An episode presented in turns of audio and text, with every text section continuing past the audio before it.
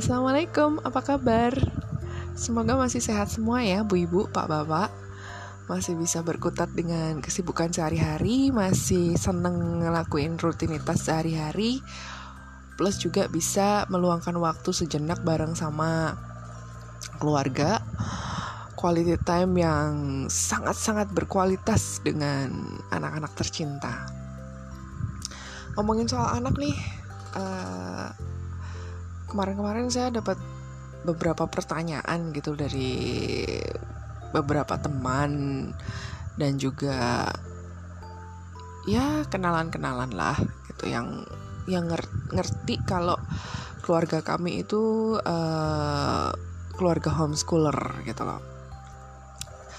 Anak-anakku kan ya bisa dibilang semuanya sih ya. Anak-anakku terutama yang paling besar dan nomor dua nomor tiga juga itu uh,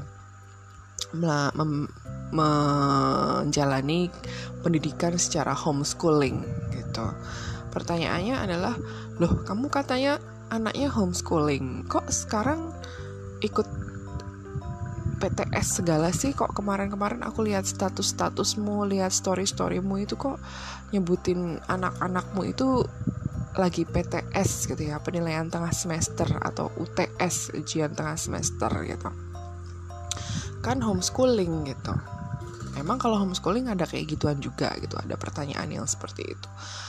Um, ya sekarang sih iya. Jadi sebenarnya homeschooling itu tidak tidak tidak apa ya tidak segampang yang mungkin orang pikirkan gitu. Atau mungkin justru malah serumit yang orang pikirkan gitu. Jadi ada ada seluk beluk homeschooling yang memang harus dijalani gitu. Oke. Okay. uh, eh, podcast kali ini kita ngobrolin soal homeschooling anak-anakku aja ya uh, setelah sekian purnama setelah sekian purnama uh, nggak ngepodcast nggak di uh, ya sebenarnya banyak sekali ide untuk ngepodcast gitu. Cuma waktunya aduh waktunya yang yang belum belum bisa kesampaian bisa rutin gitu. I'm really sorry for that. Uh, aku akan mencoba untuk lebih rutin lagi ngepodcast. Nah podcast kali ini aku mau ngebahas tentang pertanyaan dari teman-teman gue tadi gitu bahwa kamu katanya anaknya homeschooling kok ada UTS segala bukannya UTS atau PTS itu untuk anak-anak yang sekolah formal? Iya bisa. Iya betul. Jadi gini uh, aku mau cerita dulu kenapa kenapa kok akhirnya keluarga kami itu memutuskan untuk uh, menjalani homeschooling. Padahal bapak ibunya dulu enggak gitu ya.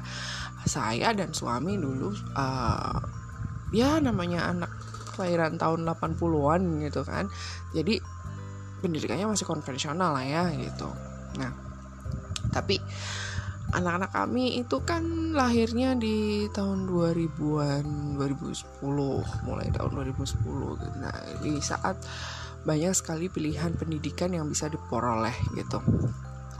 Nah, uh, alasan kenapa kok milih homeschooling? Aduh, alasannya macam-macam banget gitu. Alasannya macam-macam banget. Yang pertama, uh, yang pertama dulu karena ngelihat ngelihat ngelihat langsung gitu kan uh, saudara deket gitu yang punya anak SD katakanlah ya anak SD waktu itu. Dan setiap hari aku ngelihat uh, apa namanya how he went to school and how he uh, manage his school activities at home gitu. Jadi maksudnya saya lihat gitu loh tiap harinya dia pergi sekolah terus pulang sekolah terus kegiatan belajarnya di rumah seperti apa gitu. Nah karena pernah satu kali aku juga dimintain tolong sama orang tuanya untuk ngajarin gitu.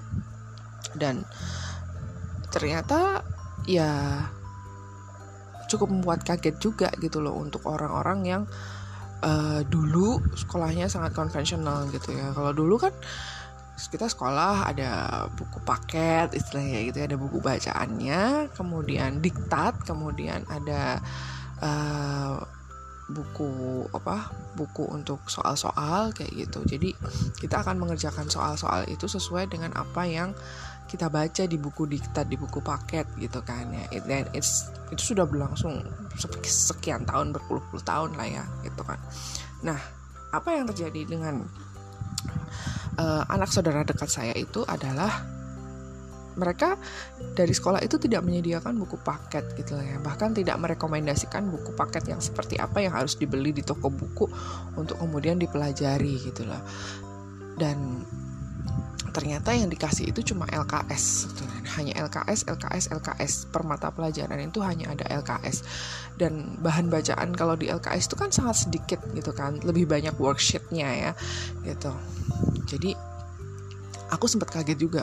Lah ini kalau mau ngerjain ini kita harus baca dulu pengetahuannya dari mana gitu ya. Dari sini tante gitu kan.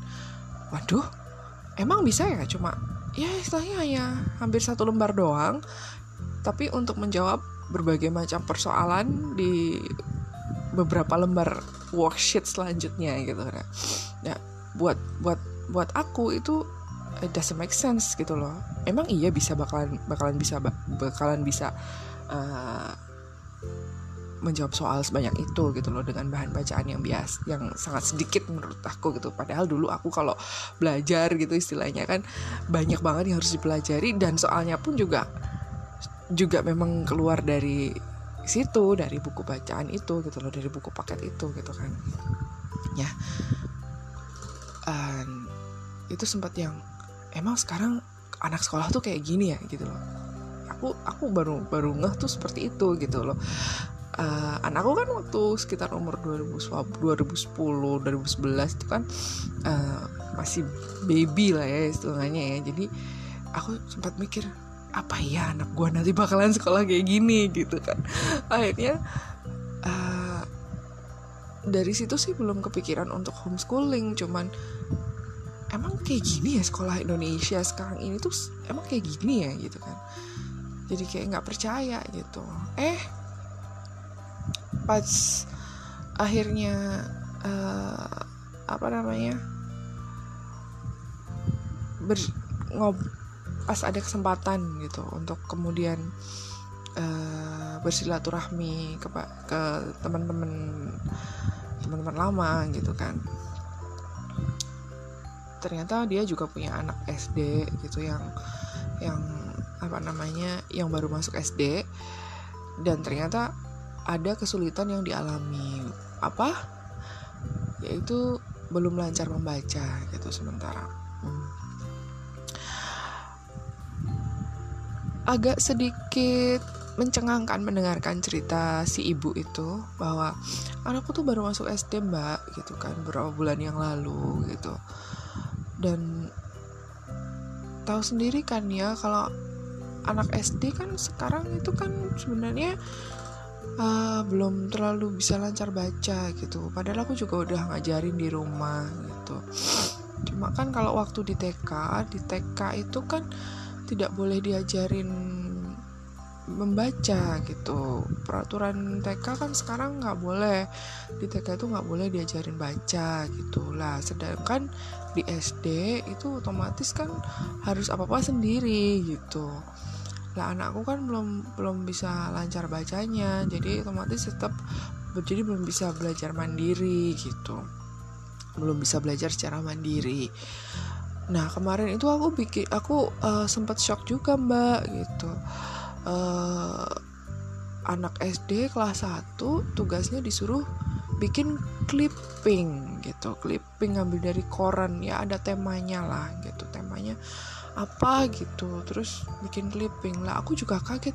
Anakku aja belum bisa lancar baca kok disuruhnya udah bikin clipping gitu ya ampun kaget juga. Otomatis kan ya aku juga kan yang yang ikut turun tangan ikut ngerjain gitu istilahnya kayak gitu, gitu.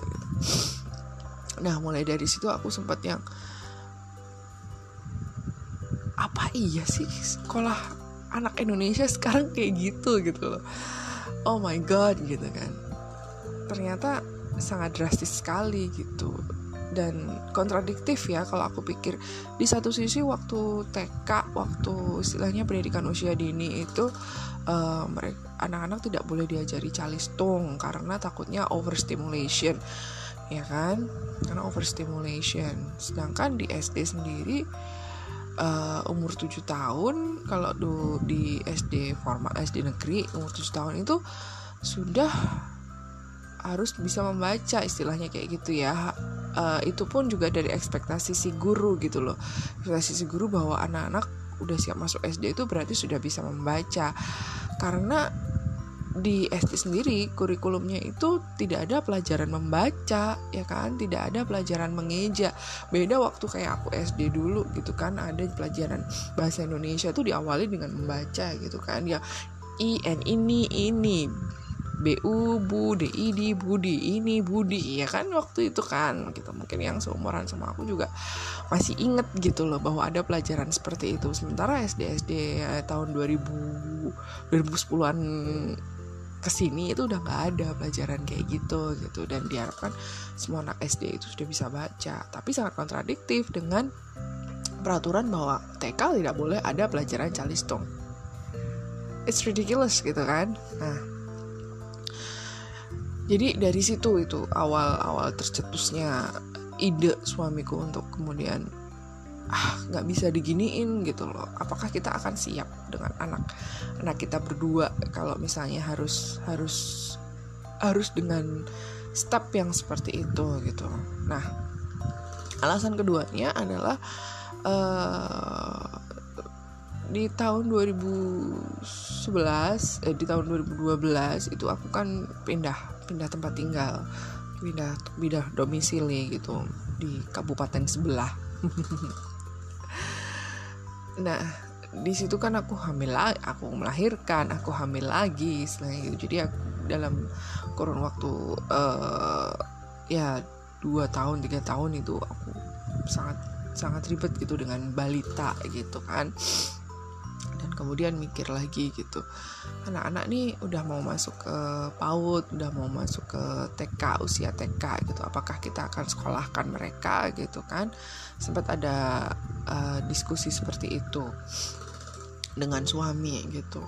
Sementara tempat tinggal kami itu masih pindah-pindah ya kontraktor lah ya masih pindah-pindah per tahunnya itu kontraktor masih kontrak lah namanya juga apa baru aja pindah di uh, tempat baru gitu. Tidak langsung serta merta beli rumah sendiri gitu karena kita nggak tahu uh, kontrak kerja suami itu akan sampai berapa tahun istilahnya kayak gitu. Akhirnya uh, dengan dengan kondisi yang berpindah-pindah kemudian uh, punya dua balita itu sangat yang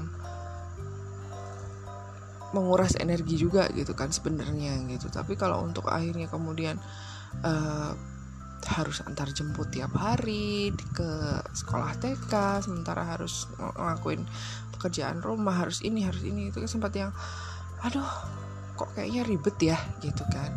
Terus sebenarnya apa sih yang dipelajarin di PAUD istilahnya kayak gitu kan. Apa sih yang harus dipelajari di TK gitu kan kita lihat dari sisi akademisnya dulu gitu kan.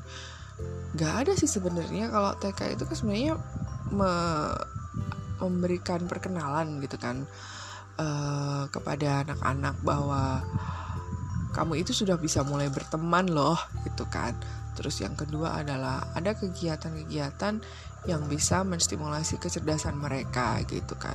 Misalnya menyanyi menari gitu kan kecerdasan-kecerdasan motorik kemudian uh, apa untuk mengeksplorasi otak kiri dan otak kanan mereka gitu kan. Kegiatan-kegiatannya istilahnya semuanya bermain lah ya namanya juga taman kanak-kanak gitu. Nah kalau dipikir-pikir lagi sebenarnya semua kegiatan yang dari tek, di TK yang di PAUD itu semua kan bisa dikerjakan di rumah gitu kan. Kita memang harus meluangkan waktu untuk memang bermain dan istilahnya bermain sambil belajar bersama mereka gitu. Dan itu semua bisa gitu kan. Bisa dipelajari bisa dipelajari seorang ibu. Entah itu lewat buku entah itu lewat majalah entah itu lewat Google gitu dan bisa di kemudian diaplikasikan bareng-bareng sama anak-anak mereka gitu di rumah. Jadi nggak perlu dibawa ke TK gitu kan. Nah akhirnya kami juga mulai mulai PAUD itu mulai apa namanya mulai uh, menjalankan gitu, mulai menjalankan kegiatan-kegiatan homeschooling gitu. Nah di sini yang kemudian banyak uh, banyak pertanyaan gitu kan. anakmu nggak di anakmu itu nggak di sekolahin di TK kayak gitu. Kok nggak masuk TK sih? Kan udah umurnya udah lima tahun udah empat tahun kayak gitu. Um, nanti nggak punya temen loh. Jadi pertanyaan pertanyaan dilontarkan oleh mereka mereka kemudian mereka menjawab dengan asumsi mereka sendiri bahwa kalau nggak masuk TK nanti anaknya nggak punya temen gitu kan. Nah ini yang kemudian kami koreksi gitu bahwa lo anak itu tidak harus berteman dengan anak anak-anak TK pada umumnya sebenarnya gitu kan. Bahwa uh, ketika dengan hidup bertetangga itu sudah sangat baik ya itulah yang disebut teman gitu loh. Ya kan?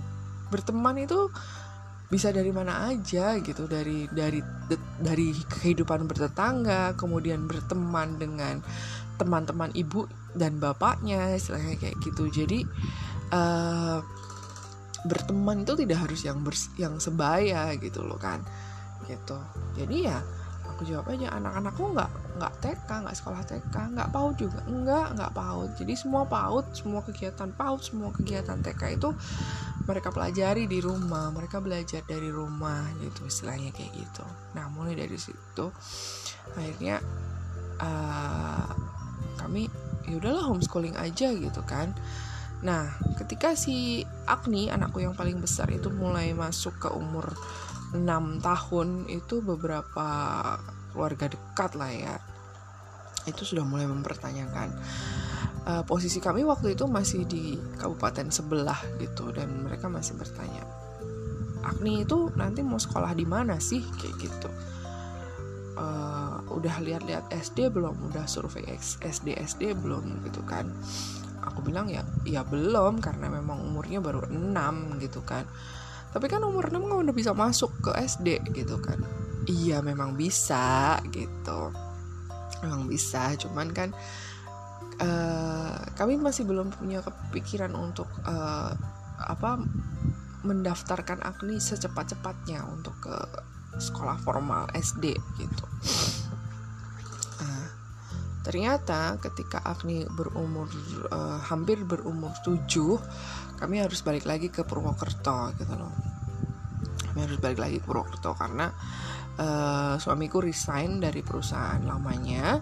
Kemudian uh, balik lagi ke Purwokerto untuk ya ngejalani usaha sendiri gitu. Nah karena semakin dekat dengan keluarga-keluarga yang ada di Purwokerto semakin banyak lah itu pertanyaan-pertanyaan itu gitu kan. Dan Agni juga semakin mendekati umur 7 gitu gimana mau pindah ke mau mau sekolah di mana gitu. Di dekat sini aku lihat di dekat tempat tinggalmu aku lihat juga banyak SD gitu kan. Oh, udah udah udah sempat tanya-tanya. Ya aku tanya aku aku jawab nggak nggak nggak sempet. Aku bilang kayak gitu. Masih ribet urusan pindah-pindahan dan uh, belum mau mikirin soal sekolah di mana kayak gitu kan. Karena terlalu banyak pilihan gitu kan sekolah favorit di sini terlalu ya istilahnya uh, agama oriented sekali gitu. Sementara sekolah SD juga uh, uh, yang favorit itu saya aku belum banyak survei gitu. Semua kenapa? Karena semua masih masih masih ada dasar pingin homeschooling gitu. Nah waktu itu kami sempat ber me, mendeklarasikan lah gitu kan. Bahwa anak-anak nanti mau homeschooling aja kok gitu kan. Homeschooling homeschooling ki piye gitu kan. Ya homeschooling sekolahnya di rumah gitu kan. Nah mulai dari tahun 2000 2015 atau 2016 itu aku sudah mulai banyak membaca tentang homeschooling gitu. Banyak beli buku tentang homeschooling googling tentang homeschooling, browsing-browsing tentang homeschooling kayak gitu kan. Apa aja yang harus disiapkan, apa aja yang harus dibeli, apa aja yang harus dipelajari anak-anak homeschooling gitu kan. Dan ternyata homeschooling itu yang paling utama adalah mempersiapkan si orang tua ini dulu gitu loh. Orang tua anak homeschooling ini yang harus siap terlebih dahulu gitu. Syaratnya adalah harus ada salah satu yang memang selalu stay di rumah gitu kan. Jadi idealnya itu uh, entah ibunya atau entah bapaknya yang memang harus selalu di rumah gitu. Nah, pas banget dong sama kondisi keluarga aku yang uh, aku aku bukan working mom istilahnya yang harus ngantor 9 to 5 kayak gitu. Aku adalah orang yang stay at home mom gitu kan dari mulai anakku lahir cenger gitu kan itu uh, ya itu udah udah pas banget udah udah salah satu syarat idealnya seperti itu gitu. Jadi ya oke okay lah kita bisa mulailah dengan seperti itu dulu gitu. Kemudian apa yang dipersiapkan? Yang dipersiapkan adalah mental. Yang dipersiapkan adalah mental orang tua. Ya karena uh, otomatis kita yang akan bersinggungan langsung dengan anak gitu kan.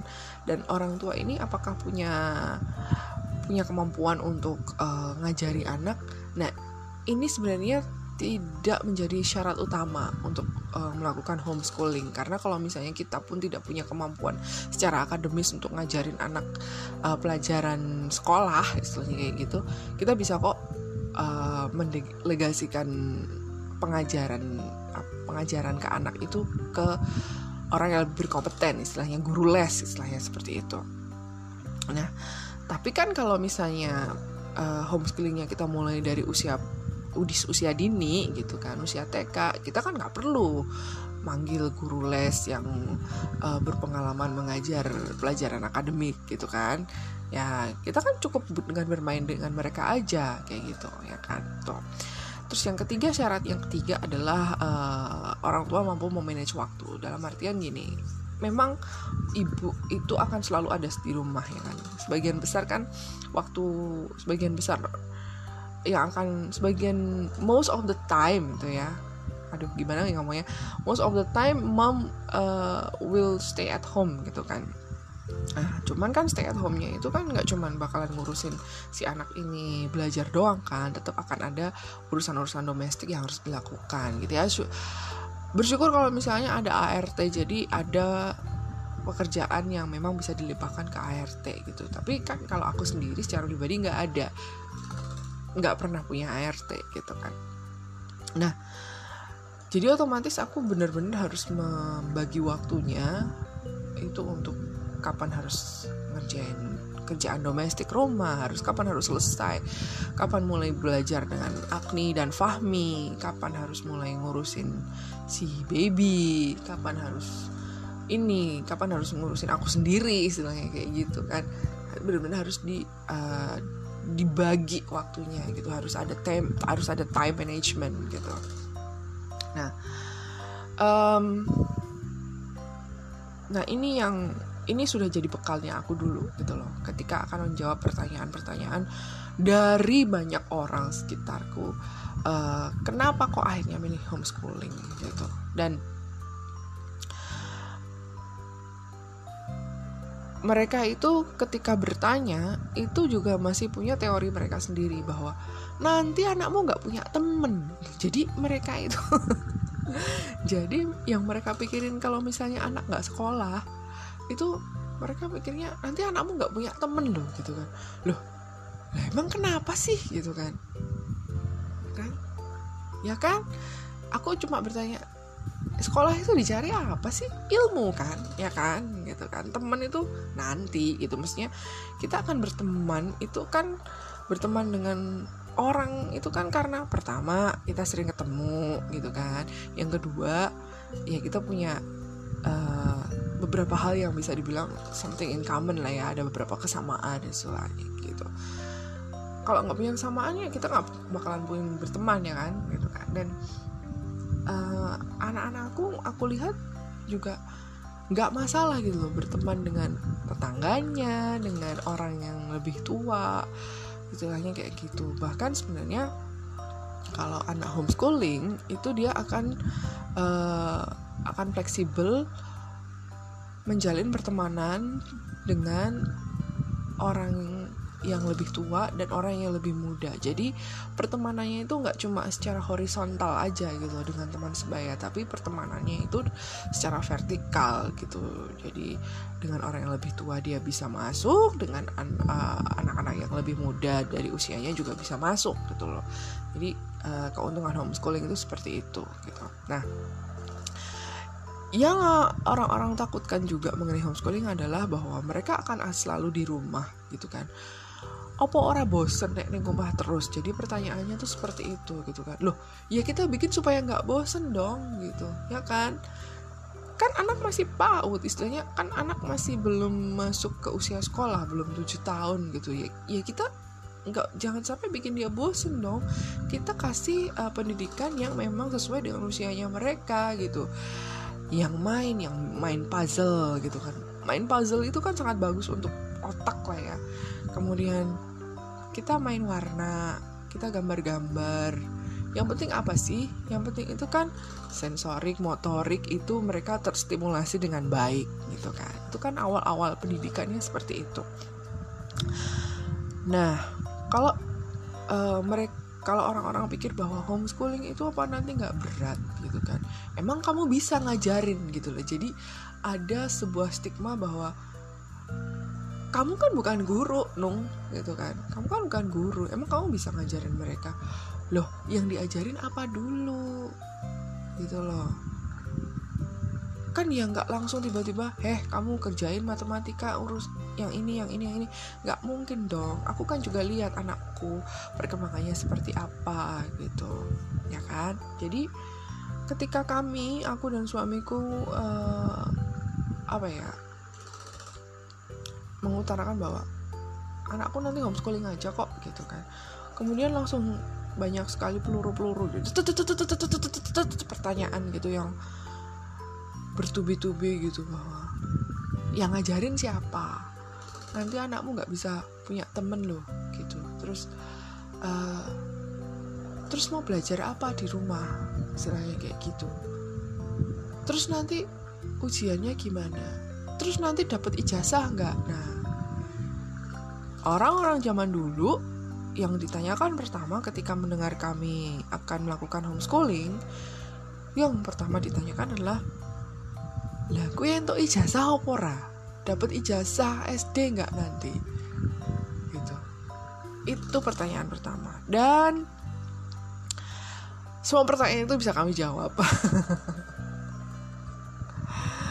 Berbekal pengetahuan yang sudah kami pelajari itu uh, sudah sudah kami jawab. Dalam artinya bisa bisa kami jawab bisa kami bisa kami berikan gambaran gitu loh bahwa homeschooling itu tidak tidak hanya serta merta memindahkan sekolahnya si anak ke rumah gitu nggak seperti itu gitu loh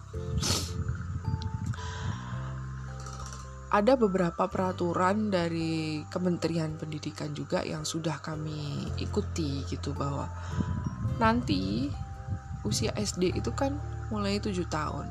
Nah, mau anakku SD di SD formal ataupun akhirnya hanya homeschooling dari tahun 2016 dari tahun 2015 lah kalau nggak salah. Eh 2014 ya. 2014 itu aku sudah persiapkan si Agni ini. Jadi ketika anak-anak lain pergi untuk ke PAUD ke TK aku tetap stay di rumah dan hanya mengambil waktu keluar tiga kali seminggu untuk uh, ngajak Agni itu uh, les baca. Ya memang aku leskan gitu kan. Ya aku juga ngajarin di rumah tapi aku ingin tahu metode les baca itu yang seperti apa gitu kan. Nah ini juga salah satu hal fundamental dalam uh, pemilihan uh, core homeschooling. Jadi jadi homeschooling itu ada ada hal-hal yang memang kita perlu fokus gitu loh jadi memang nggak segampang orang bilang ah homeschooling cuma belajar di rumah we kayak gitu kan gitu kan nggak jadi ada beberapa hal yang memang harus kita siapkan dulu pertama kita harus uh, fokus ke family core value-nya dulu. Kita mau ambil family core value-nya tuh yang seperti apa. Kemudian kita mau uh, memfokuskan pendidikan yang seperti apa. Jadi kalau di Indonesia itu ada beberapa beberapa uh, orang tua ya, beberapa homeschooler lah ya, beberapa homeschooler gitu yang uh, mempunyai fokus beda-beda. Ya, yang pertama itu mereka fokusnya ke pendidikan moral dulu jadi ada yang pendidikan moral pendidikan moral tuh uh, ya sehari-hari lah gitu kan bagaimana mereka dididik untuk bermoral dengan baik gitu. Istilahnya berakhlak dengan baik bersopan santun dengan baik gitu. Jadi memang fokusnya ke situ. Dari mulai PAUD itu fokusnya ke situ. Terus yang kedua ada juga beberapa homeschooler yang memilih untuk uh, fokus utamanya itu adalah pendidikan agamanya dulu. Jadi dari kecil itu sudah udah diajarin untuk ya sholat, kemudian uh, ngaji gitu, kemudian tahfidz, kemudian uh, istilahnya mereka benar-benar uh, pengen anaknya itu agamis misalnya kayak gitu ya. Gitu. Ya anakku juga dari kecil juga tak ajarin uh, sholat gitu kan. Tak ajarin ngaji gitu. Cuman porsinya itu hanya sekian persen dari uh, pelajaran yang lain. Kalau keluarga homeschooler lain itu juga ada yang benar-benar yang 100% anak itu harus diajarin agama dulu gitu loh ya. Dia harus bisa uh, hafal Al-Quran dulu istilahnya begitu. Ada yang seperti itu. Nah beberapa homeschooler lain lagi itu memilih untuk benar-benar langsung terjun ke dunia akademis gitu. Jadi mulai mulai kecil istilahnya mulai PAUD itu sudah dikenalkan dengan berbagai stimulasi membaca berhitung menulis gitu. Misalnya dengan uh, flashcard ABC seperti itu. Nah eh, itu itu juga itu juga pilihan gitu. Nah beberapa homeschooler lainnya juga ada yang memilih untuk uh, memberikan pendidikan dasar sehari-hari. Dalam artian uh, life skill, life skill ya, life skill, daily life skill. Seperti misalnya bahwa makan harus bisa makan sendiri, harus bisa mandi sendiri, udah bisa apa-apa sendiri, istilahnya kayak gitu ya. Nah, itu juga pilihan. Nggak masalah. Namanya home kalau homeschooling itu sangat fleksibel. Orang tua mau ngasih mau ngasih pengajaran apa dulu gitu loh. Nah begitu pula kami. Nah kalau aku sendiri ya semuanya harus seimbang. Agama ada calistung ada kemudian uh, kemandirian atau life skill itu juga harus diberikan ya kan? Gitu. Kemudian pendidikan moral juga ada gitu ya. Jadi supaya tiap hari itu mereka tidak bosan kalau misalnya hari ini kita udah belajar calistung hari berikutnya kita akan belajar bagaimana mereka supaya bisa bersikap mandiri. Misalnya yuk kita belajar yuk habis mainan diberesin mainannya sendiri. Tuh jadi dan itu akan kita repeat gitu loh kan. Kita akan repeat gitu. Mungkin misalnya lah itu kan aku juga udah ngasih ngasih pelajaran ke mereka gitu kan. Mereka kan emang dari kecil juga diajarin seperti itu. Ya iya ya iya memang. Dari kecil memang udah diajarin kayak gitu. Dan itu akan kita repeat supaya apa? Supaya supaya nancep gitu loh.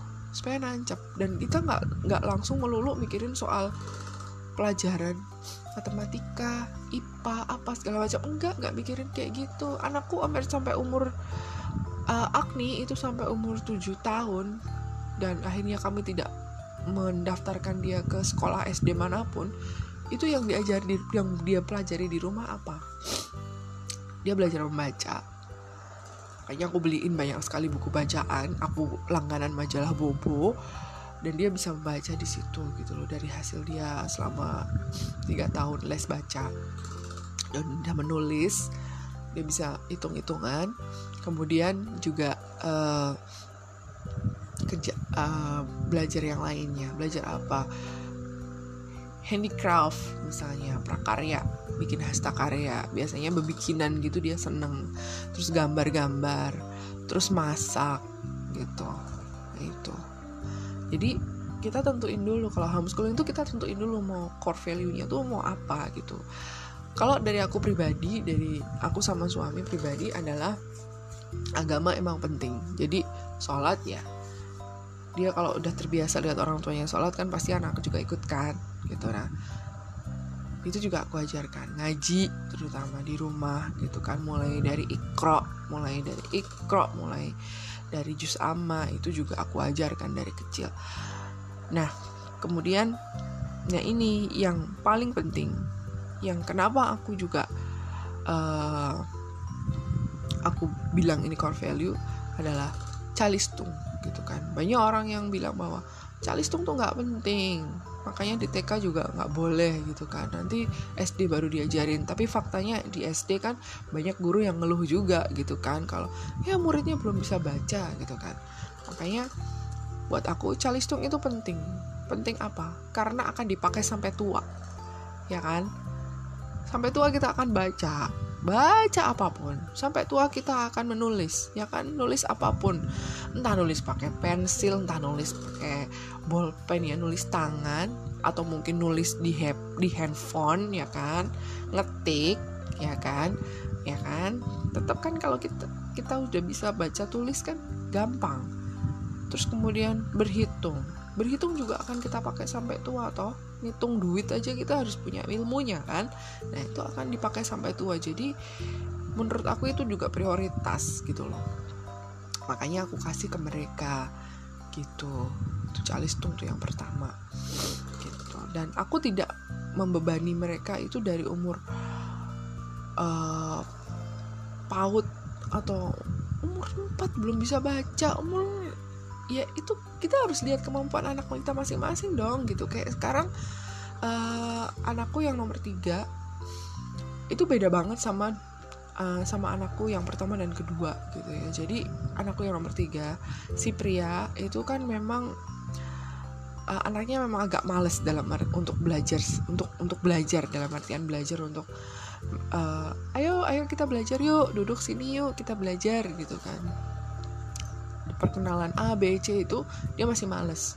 Sampai akhirnya kemarin baru ketika umur 5 lewat itu uh, dia baru mau gitu loh. Dia baru mau.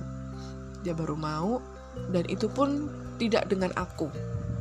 Harus dengan orang lain. Jadi aku akhirnya memang, memanggil guru les baca ke rumah gitu. Nah, tapi alhamdulillah dalam tiga bulan dia sudah uh, bisa gitu loh mengeja dan membaca. Ya ya itu makanya kita nggak bisa uh, memukul rata kemampuan anak-anak yang kita punya gitu loh. Harus kita lihat gitu loh oh minatnya tuh di sini oh minat anaknya tuh di sini. Yang si ini nggak bisa kalau misalnya di push gitu kan gitu. Jadi nah itulah seni homeschooling gitu kan. Kalau di kita sekolahin gurunya yang anggap semuanya punya kemampuan yang sama tapi kalau di rumah ya itu gitu loh. Kita harus benar-benar mencurahkan waktu yang pertama kemudian uh, kemampuan kita untuk ngajarin gitu. Nah kemudian uh, kembali lagi ke pertanyaan dari temanku tadi kok akhirnya bisa PTS kok bisa UTS jadi gini uh, memang anakku yang pertama si Agni itu memang uh, tidak tidak homeschool tidak sekolah formal ya di SD tapi ketika umur ketika mulai umur 7 tahun aku sudah mulai memperkenalkan dia dengan beberapa pelajaran di SD tapi aku tidak beli buku buku SD aku tidak membeli buku-buku yang dipakai di SD formal untuk kemudian aku uh, ajarkan sama Agni di rumah. Tidak. Jadi aku hanya mem mem menstimulasi Agni untuk membaca. Banyaklah membaca. Aku be be be be beliin dia bobo setiap minggu. Kemudian buku-buku cerita yang lain. Kemudian aku bikin soal sendiri tentang penjumlahan tentang pengurangan gitu kan. Aku stimulasi dia dengan itu gitu pengetahuan yang dia dapat itu dia dapat dari uh, majalah majalah bubu itu sangat isinya padat ya padat pengetahuan gitu. Dan tidak bertele-tele gitu loh ya kan? Nggak nggak semua yang di sekolah SD itu harus dipelajari istilahnya kayak gitu. Itu berlangsung sampai dia uh, kelas 3 SD gitu.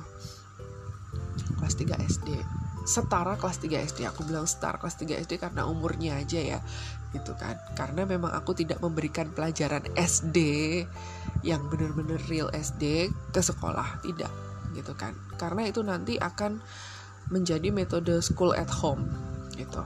Oh ya uh, ngomong-ngomong soal metode ini kan metode homeschooling itu ada dua. Ada uh, school at home dan juga unschooling. Jadi bedanya adalah school at home itu memindahkan sekolah ke rumah. Jadi kita hanya mengambil pelajaran yang ada di sekolah kemudian dipelajari di rumah dengan cara cara cara sendiri gitu loh. Ya kan? Kalau di SD kan kita ada jadwal dari jam 7 pagi sampai jam 2 siang misalnya sekolah nanti jam pertama pelajaran apa pelajaran apa kayak gitu kan.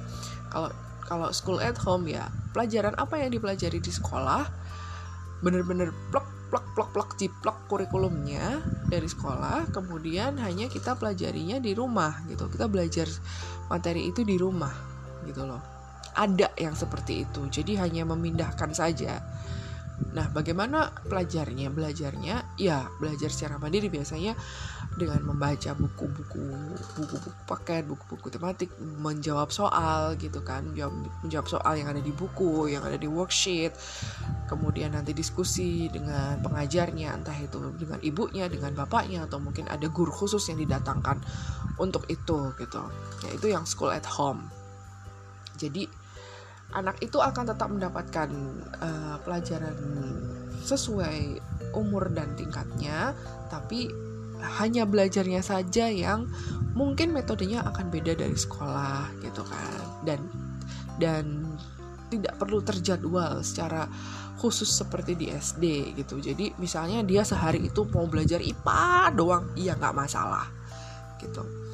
Nah kalau yang metode unschooling itu benar-benar tidak menggunakan uh, kurikulum sekolah formal.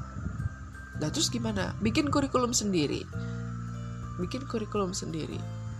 Nah ini adalah ke yang kebanyakan dipakai untuk uh, para homeschoolers gitu. Karena apa? Karena akan lebih fleksibel. Bahkan bisa mulai dari uh, ketika dia umur masih kecil ya umur usia PAUD kayak gitu jadi kita bikin kurikulum sendiri, mau belajar apa, targetnya apa, harus selesai kapan, istilahnya seperti itu. Begitupun aku gitu. Apa yang aku lakukan di rumah bareng-bareng sama anak-anakku itu adalah uh, unschooling. Jadi aku tidak mengambil metode dan um, tidak mengambil kurikulum dari sekolah SD yang ada untuk diajarkan ke Agni dan Fahmi. Tidak. Meskipun usia mereka sudah usia SD gitu aku hanya mengambil intinya aja seperti yang aku bilang tadi calistung aja baca tulis hitung karena itu yang paling bakalan kita pakai sampai tua ya kan? Kita nggak akan memakai teori Faraday atau teori Newton yang ada di pelajaran IPA itu untuk sampai tua. Nggak bakalan seperti itu. Paling kan yang akan kita tahu adalah oh ada gaya gravitasi misalnya seperti itu. Gaya gravitasi itu yang seperti apa sih? Oh kayak tarik bumi. Contohnya gimana sih? Kamu lihat daun jatuh? Nah ini. Nah itu. Kita belajar pakai contoh gitu. Real kita lihat gitu.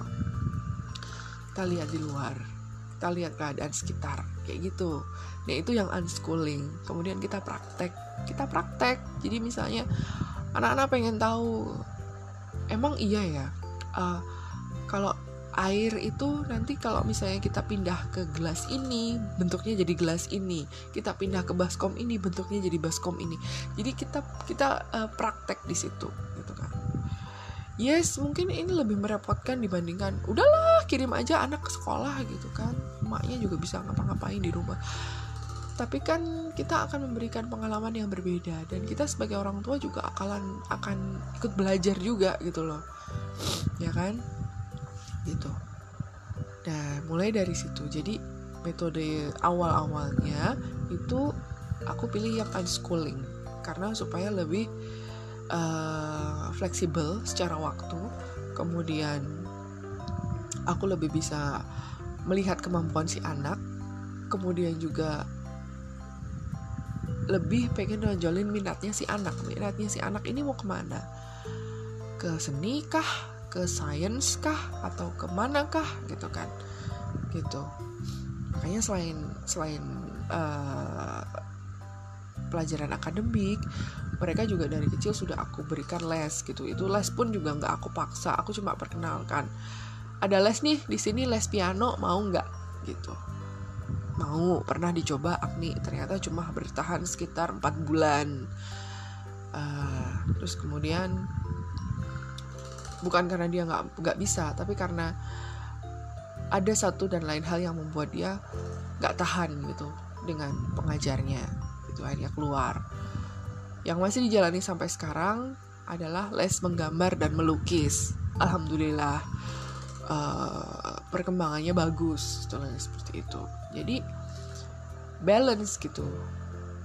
Belajar di rumah ada waktu bermain di rumah ada kurikuler yang membutuhkan uh, apa istilahnya eksplorasi minat juga ada. Nah, kok sekarang bisa PTS? Kembali lagi ke pertanyaan itu. Iya. Jadi, kalau kita homeschooling ini sekalian menjawab kalau anak homeschooling bakalan dapat ijazah apa enggak, ijazahnya bagaimana.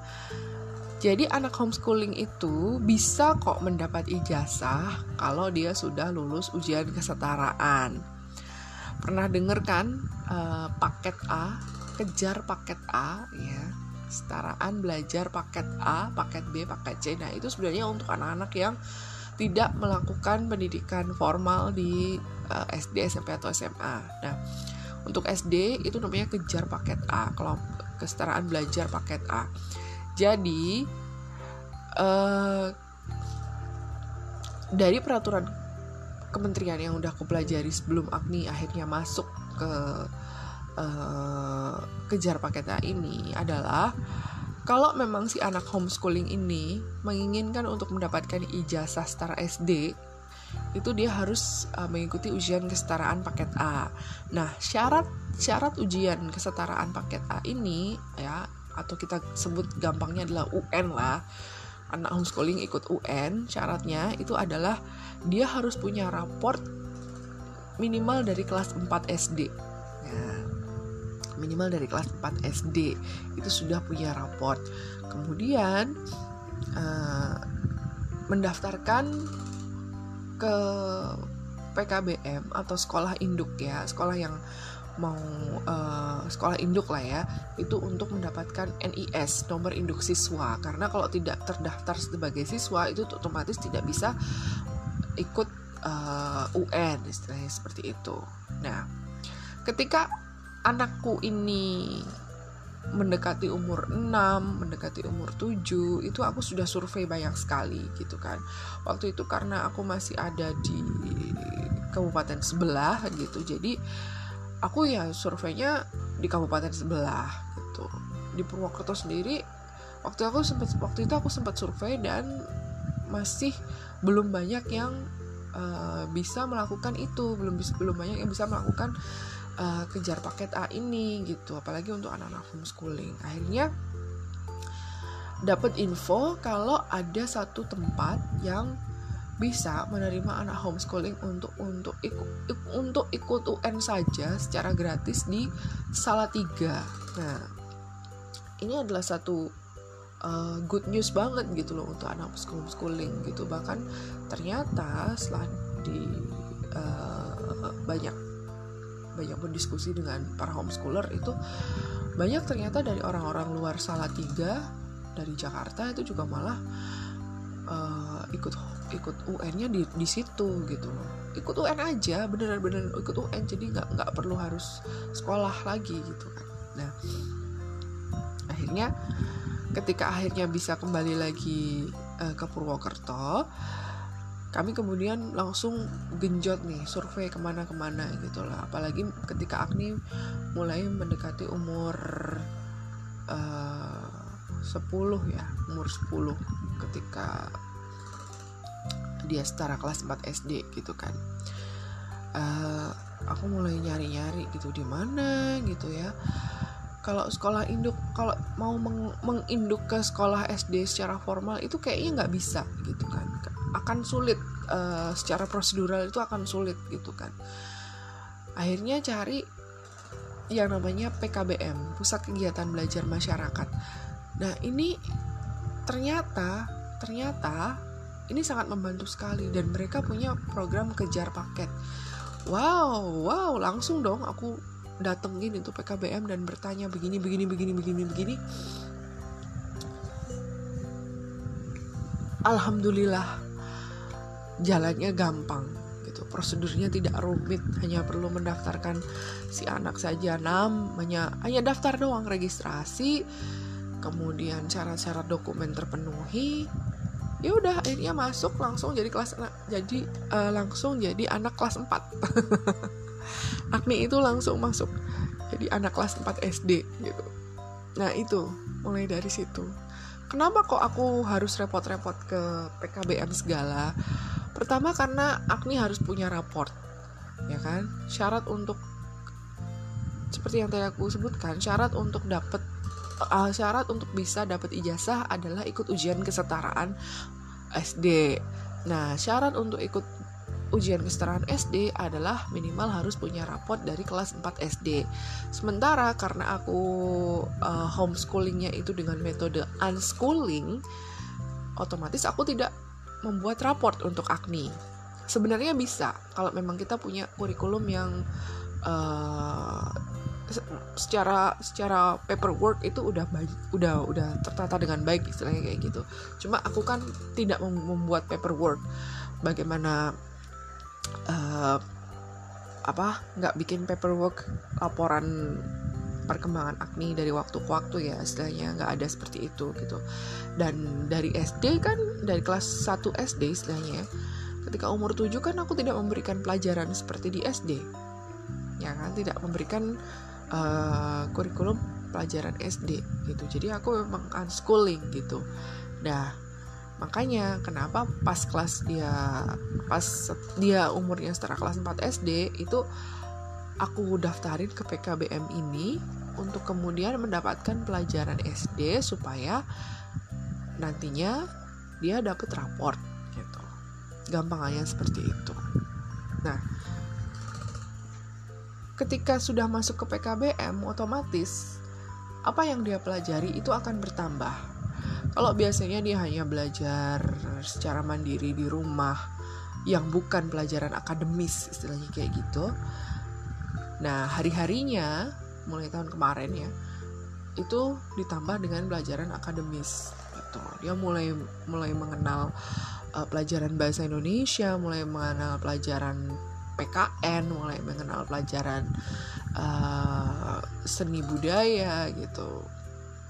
Sempat ada uh, keberatan dari dia. Kok pelajarannya banyak banget? Ini sih masih mending kayak gitu kan. Dulu juga ibu juga dulu juga banyak gitu kan.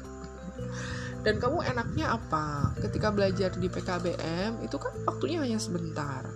Apalagi pada saat tahun kemarin itu uh, lagi lagi angka pandemi kan lagi tinggi covidnya lagi tinggi. Jadi semua pelajaran di semua semua pengajaran itu dilakukan secara online. Dan itu pun hanya sedikit gitu kan.